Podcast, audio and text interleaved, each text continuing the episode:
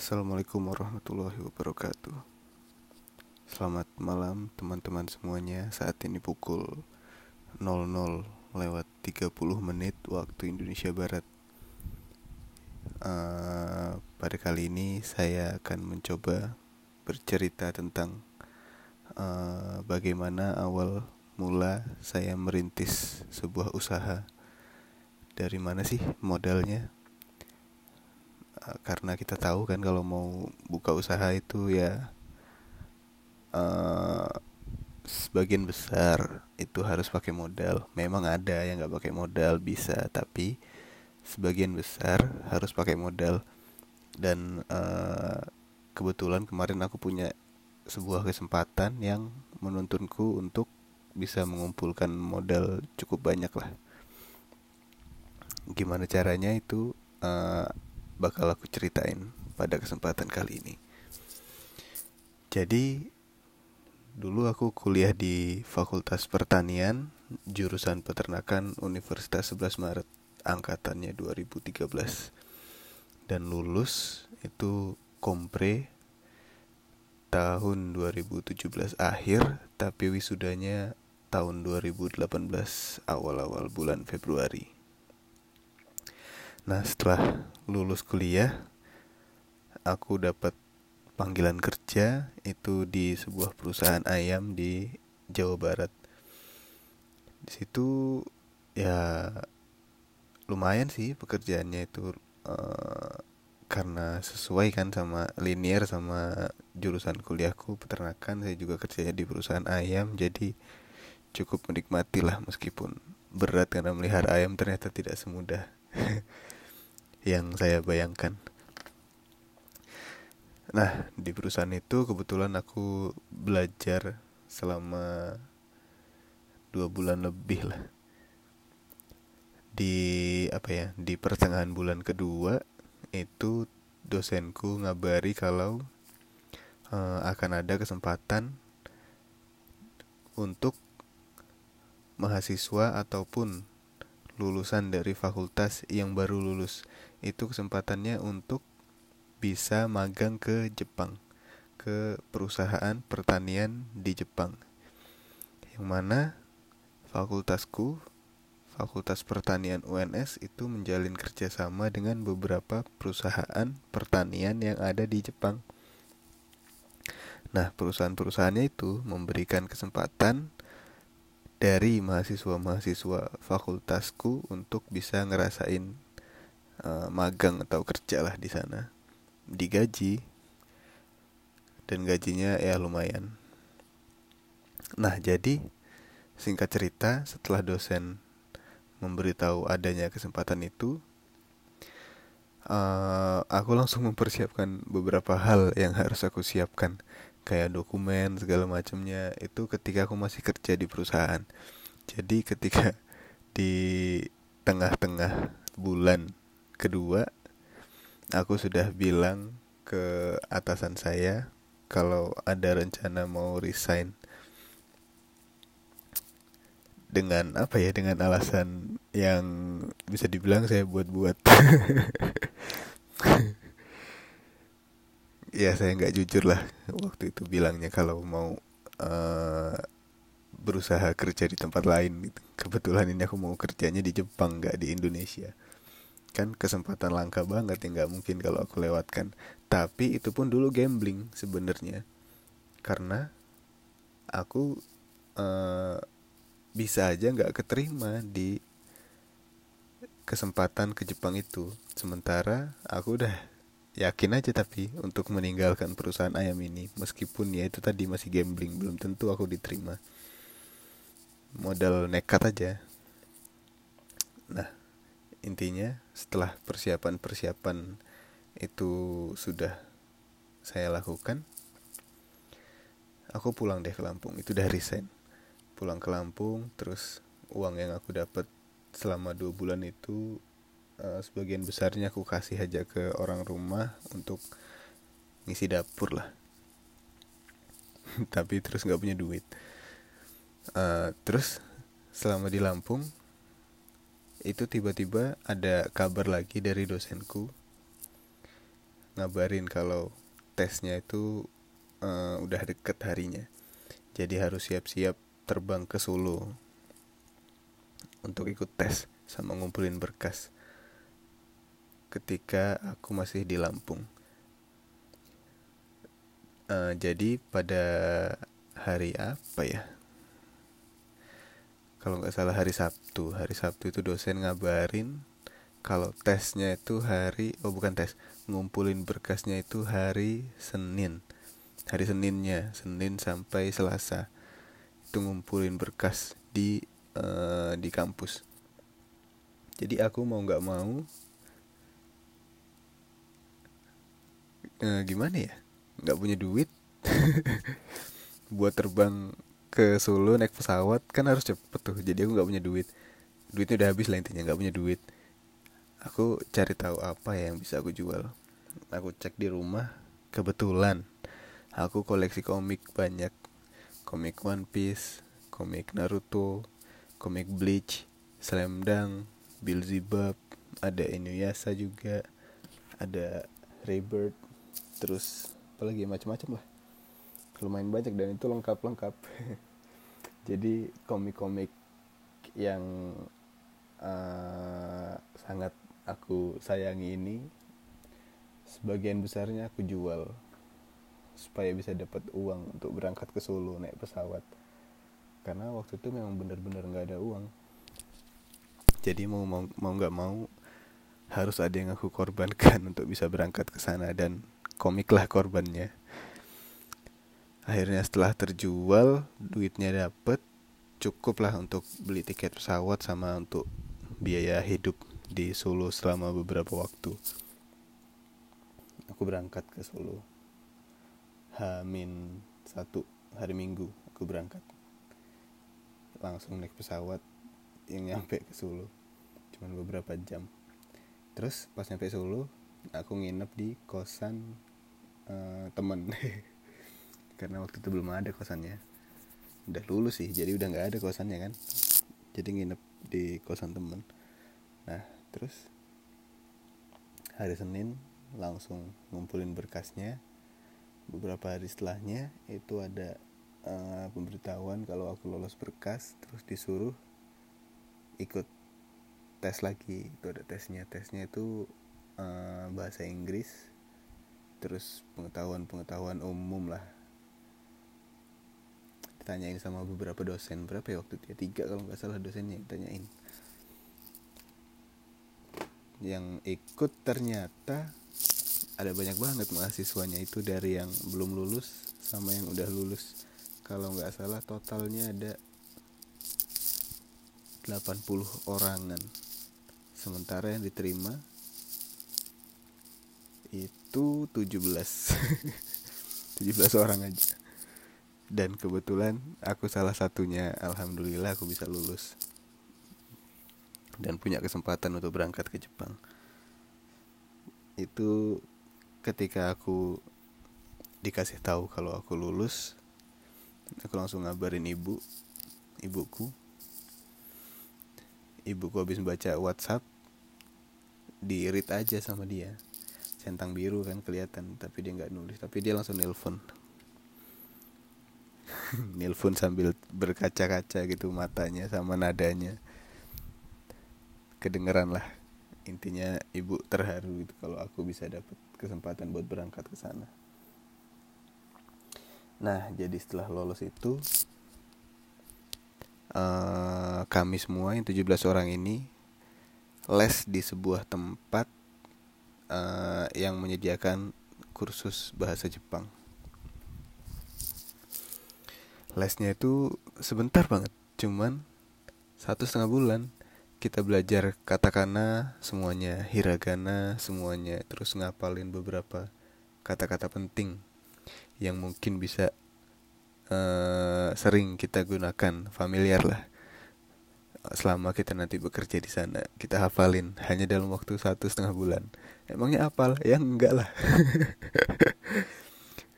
nggak hafal. Hanya dalam waktu satu setengah bulan kita ngapalin semua huruf hiragana semua huruf katakana. Ya memang nggak terlalu banyak tapi kan itu uh, apa ya sangat cepat lah durasi waktunya menurutku sih. Mungkin ya atau mungkin karena aku juga yang agak lelet mikirnya kelamaan jadi merasa itu waktunya terlalu singkat. Ya tapi kami menikmatinya selama belajar bahasa Jepang di tempat bimbel itu benar-benar menyenangkan lah. Belajar hal baru karena sebelumnya nggak pernah belajar bahasa Jepang. Setelah satu setengah bulan terlewati akhirnya datanglah waktu kami untuk berangkat ke Jepang. Berkas-berkasnya udah siap bekal-bekalnya udah siap. Akhirnya kami dilepas sama pihak kampus. Terus menuju bandara Adi Sucipto Yogyakarta. Kita berangkat dari situ nyampe ke Jakarta terus dari Jakarta baru langsung uh, direct ke Tokyo. Itu turunnya di Narita International Airport. Sampai di sana ya cukup kagum lah awalnya sama infrastruktur bandaranya keren tapi ya Soekarno Hatta juga nggak kalah keren. Kalau menurutku sih Narita sama Soekarno Hatta masih seimbang lah kerennya. Tapi beda cerita sama bandara Haneda. Haneda itu ya ampun keren banget bandaranya sumpah. Gimana ya pokoknya aduh infrastrukturnya tuh Jepang banget. Keren banget. Pertama kali aku ngeliat bandara semegah itu. Ya ya karena baru Jepang kali ya luar negeri yang aku datengin. Nggak tahu kan di bandara bandara-bandara di negara lain. Tapi menurutku di Haneda itu salah satu bandara yang sangat keren. Jadi ketika nyampe Jepang terus kami dijemput sama supir dari uh, suruhan perusahaan tempat kami magang. Terus perjalanannya itu dari bandara ke perusahaan itu memakan waktu 3 jam naik mobil lewat tol. Ya lumayan lumayan jauh. Ya tapi dibilang jauh juga nggak terlalu jauh gitu karena cuma 3 jam. Sampailah kita di perusahaan. Langsung turun di perusahaannya ngenalin diri. Pakai bahasa Jepang pertama kali gimana ya karena selama belajar itu uh, hanya di depan orang-orang Indonesia mungkin rasa nervousnya nggak nggak segede ketika di sana gitu yang ngomong langsung sama orang Jepang. Jadi kayak apa yang udah kita pelajari selama satu setengah bulan itu kayak menguap. Hilang. Mau ngomong apa ini? Kenalan. Kayaknya dulu udah belajar materi perkenalan tapi ketika sampai di sana mau kenalan kok susah banget ngingetnya aduh jadi yang keluar kata-katanya hanya seadanya aja.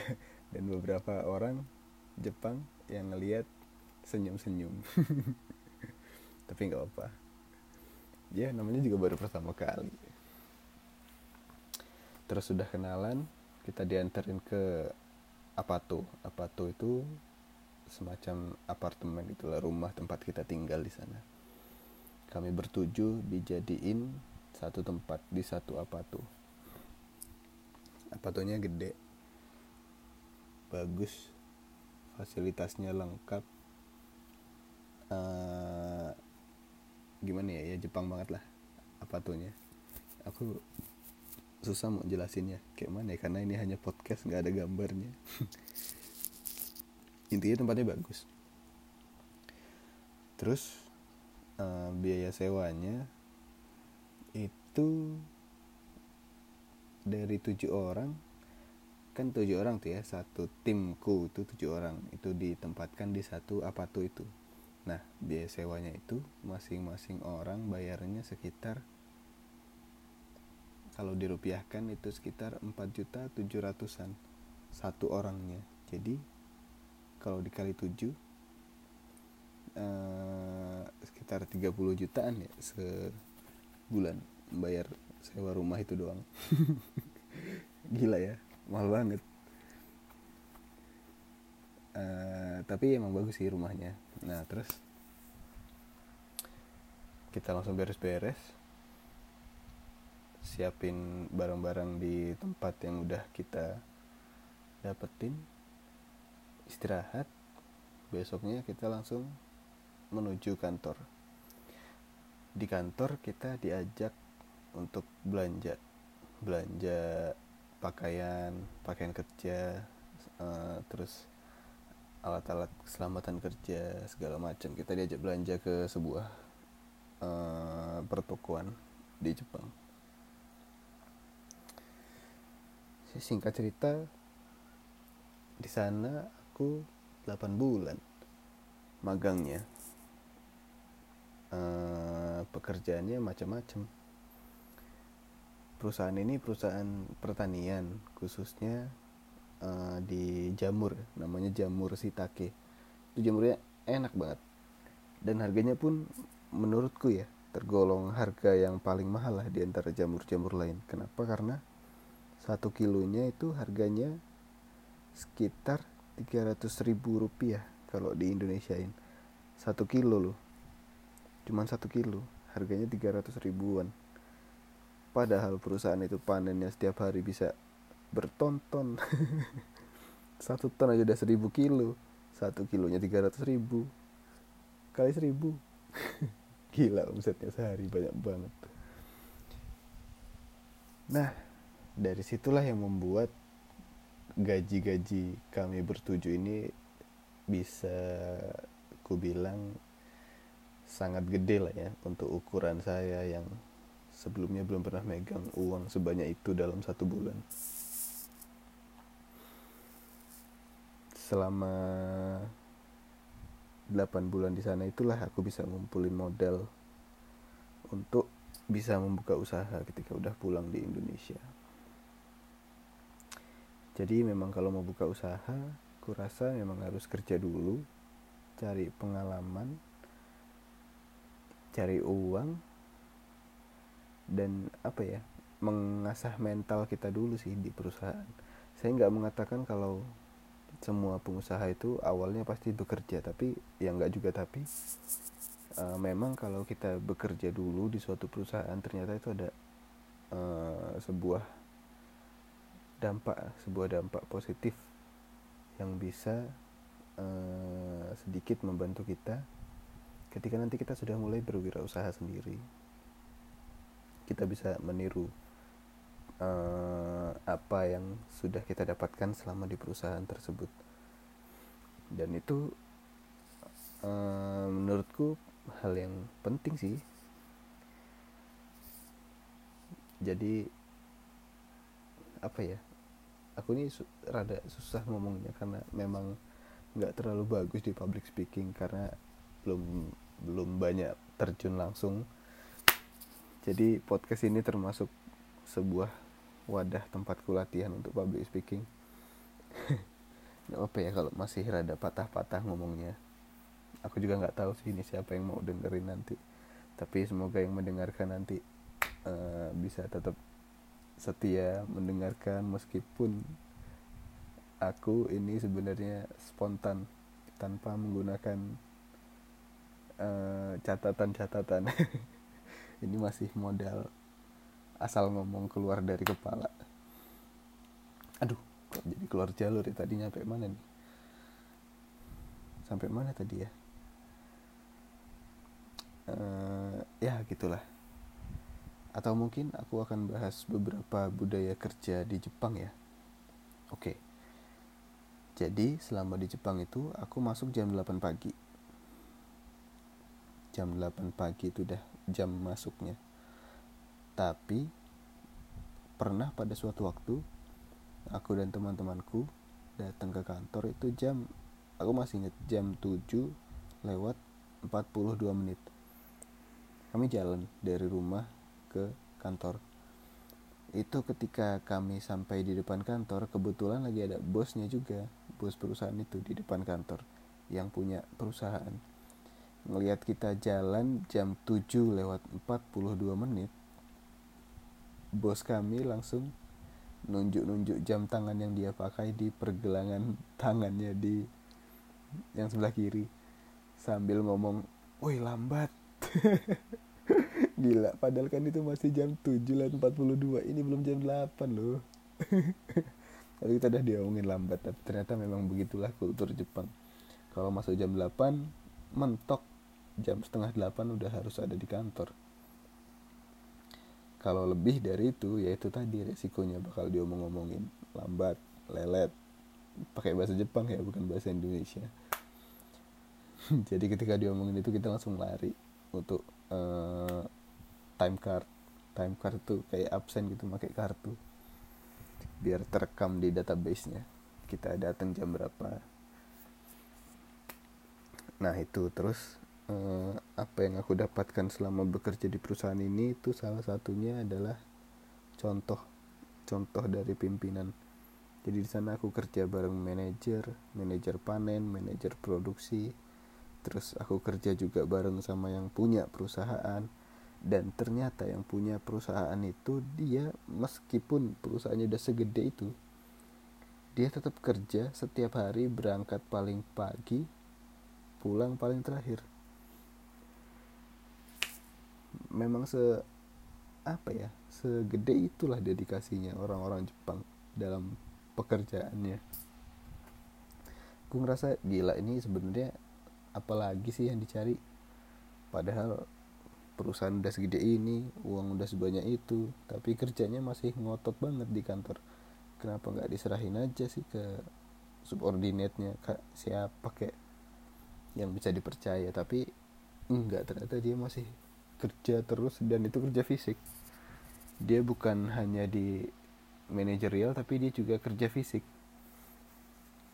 Lari sana lari sini masukin jamur ke freezer packing jamur ke wadah-wadahnya segala macam masih main fisik juga ternyata pemilik perusahaannya. Lari-lari. Umurnya udah 47 tahun ketika tahun lalu aku di sana. Tahun ini berarti sudah 48.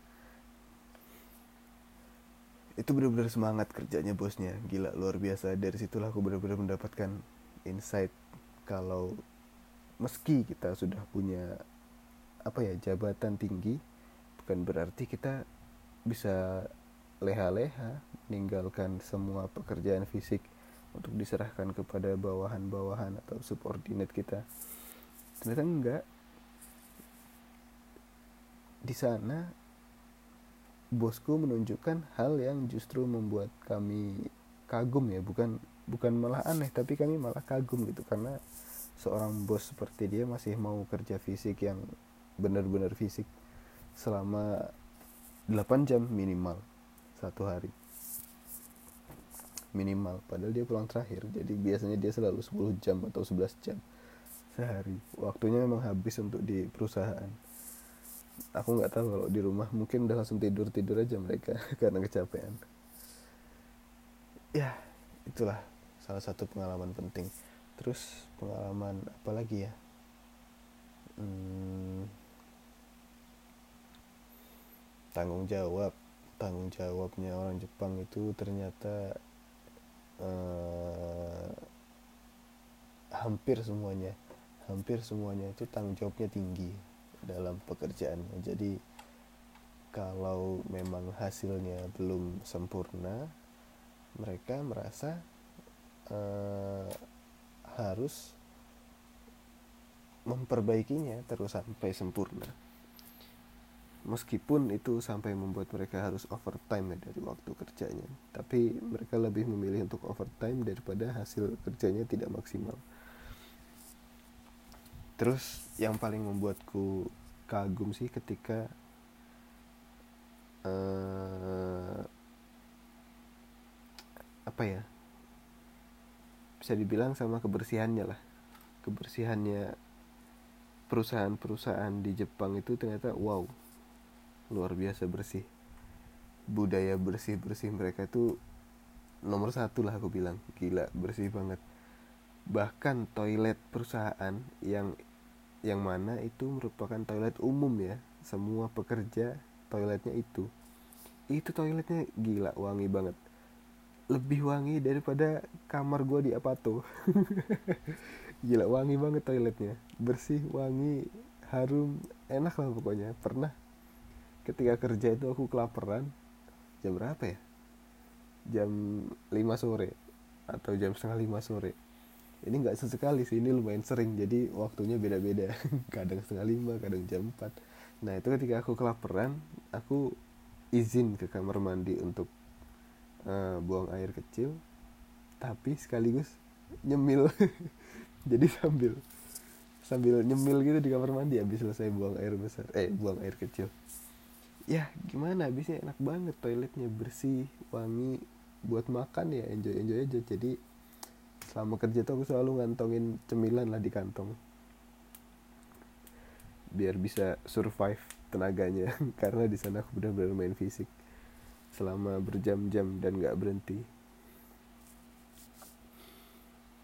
Nah dari pengalaman-pengalaman kerjaku di Jepang ini yang yang apa ya yang fisik banget itu uh, meskipun awal-awalnya benar-benar membuat tubuh kami bertuju uh, capek gila-gilaan. Tapi ternyata ke depannya justru itu membuat tenaga kami stamina kami itu bertambah secara signifikan. Tenaga kami jadi banyak banget jadi kayak badak kerjanya gila-gilaan juga kita jadi ngikut mereka. Dan bahkan ketika aku udah pulang ke Indonesia tenagaku yang meluap-luap ini aku nggak tahu mau aku apain akhirnya pertama kalinya dalam hidupku akhirnya aku memutuskan untuk datang ke tempat gym untuk menyalurkan tenaga-tenagaku yang mau meledak pada saat itu. Nah, kurasa cerita untuk di Jepangnya begitu sih sudah cukup ya.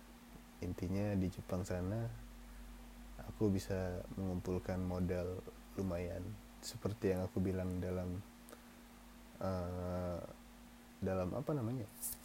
Dalam info di podcastku kalau ini adalah cerita tentangku yang ketika pulang dari Jepang membawa 100 juta terus membangun usaha ini itu ini itu jatuh bangun hingga akhirnya sisanya tinggal 3 jutaan dan saat ini aku berusaha untuk bangkit lagi sedikit demi sedikit.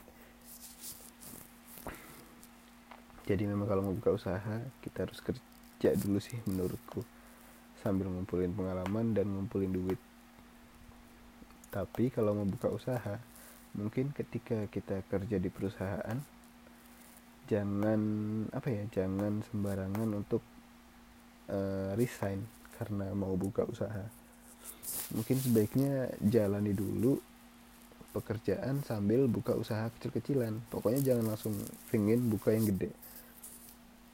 Harus mulai dari yang kecil kecil-kecilan. Ketika nanti sudah mulai mengerti beberapa masalah yang timbul dan kita sudah bisa mengatasinya sudah bisa kita handle uh, nanti tuh kita akan mendapatkan sebuah hasil yang uh, stabil kita bisa dapat income yang cukup stabil dari usaha kecil-kecilan kita itu. Nah, kalau usahanya sudah menghasilkan profit yang stabil, barulah kita bisa memikirkan untuk resign. Jadi jangan sembarangan resign supaya nanti eh, nggak uh, terlunta-lunta lah ibaratnya gitu. Ini kan hanya untuk berjaga-jaga. Gitu ya teman-teman. Siapa pun yang nanti akan mendengar ini, aku tidak tahu siapa yang akan mendengar, tapi siapa pun lah yang mendengar. Uh, kalau suaranya sudah lemas itu sebenarnya ya karena udah agak ngantuk ini udah jam satu malam. Pulang tadi jam berapa ya? Dari warung ya? Jam 10 malam. Terus beres-beres bentar. Ini baru sempat buat podcast lagi. Gitu ya teman-teman. Jadi itu cerita bagaimana saya mengumpulkan modal untuk membuka usaha mungkin untuk selanjutnya aku bakal cerita tentang uh, awal mula aku membangun usaha. Mulai dari usaha kuliner minuman kekinian terus pada saat aku ikut bazar di Pekanraya Lampung. Pekanraya Lampung itu semacam uh, Jakarta Fair lah kalau di Jakarta. Jadi event terbesar gitu Oke, nanti akan aku ceritakan di podcast selanjutnya. See you. Assalamualaikum warahmatullahi wabarakatuh.